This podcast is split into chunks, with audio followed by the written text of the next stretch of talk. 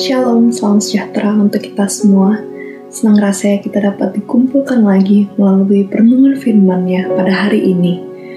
Sebelum kita melalui proses perenungan firman kita, marilah kita mengambil waktu sejenak untuk berdoa. Bapa kami yang berada dalam kerajaan surga, kami sungguh bersyukur oleh karena anugerah dan kebaikan-Mu saja. Hari ini kami diberi kesempatan untuk disapa lagi melalui firman-Mu. Tuhan, siapkan hati dan pikiran kami supaya firman Tuhan yang akan kami dengarkan dapat senantiasa mengingatkan dan menegur kami. Terima kasih ya Tuhan, kami mau serahkan waktu yang sangat singkat ini hanya ke dalam tangan kasih-Mu saja. Dalam nama Tuhan Yesus kami sudah berdoa dan mengucap syukur. Amin. Perenungan firman Tuhan yang akan kita dengarkan pada hari ini berjudul Pemberitaan Injil oleh anggota jemaat dan firman yang akan kami dengarkan terambil dari kisah para rasul 11 ayat yang ke-19 sampai ke-30. Tapi hari ini saya akan membacakannya dari ayat 20 sampai 26 saja. Beginilah firman Tuhan.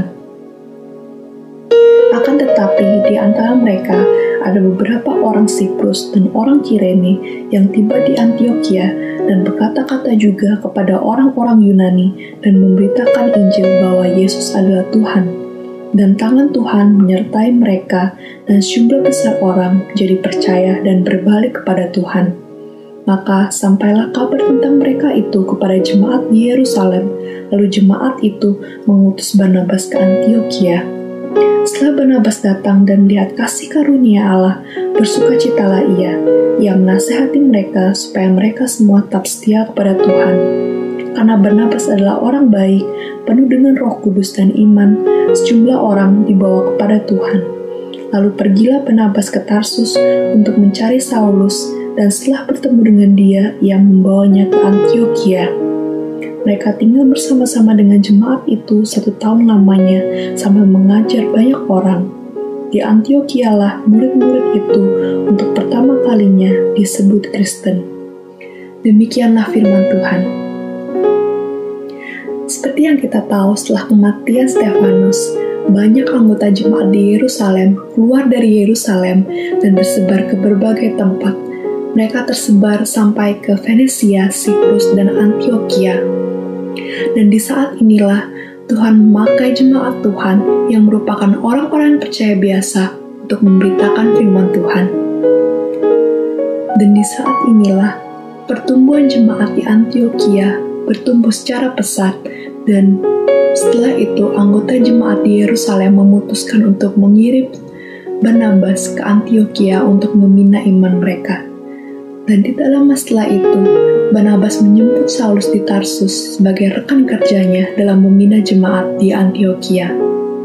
Dalam firman Tuhan yang kita dengarkan pada hari ini, kita bersyukur bahwa rencana besar Allah sungguh nyata dalam kehidupan orang-orang percaya Penganiayaan dan penderitaan yang dirasakan jemaat pada saat itu diubah menjadi langkah awal untuk memberitakan Injil ke berbagai orang. Kita juga bersyukur oleh karena Roh Kudus yang Tuhan kirimkan di hari Pentakosta yang menjadi penolong yang setia bagi jemaat saat itu untuk memberitakan firman Tuhan pemberitaan firman Tuhan yang dulunya terfokus hanya kepada orang-orang Yahudi saja, sekarang dapat dipakai Tuhan untuk menjangkau jiwa-jiwa yang baru yang bukan orang-orang yang non-Yahudi. Dan perlu kita tahu bahwa pemberitaan Injil di Antioquia dimulai dari orang-orang percaya biasa yang bukan para rasul. Sama seperti pada saat itu, di mana murid-murid Tuhan Yesus menerima banyak sekali kesulitan untuk memberitakan Injil Tuhan.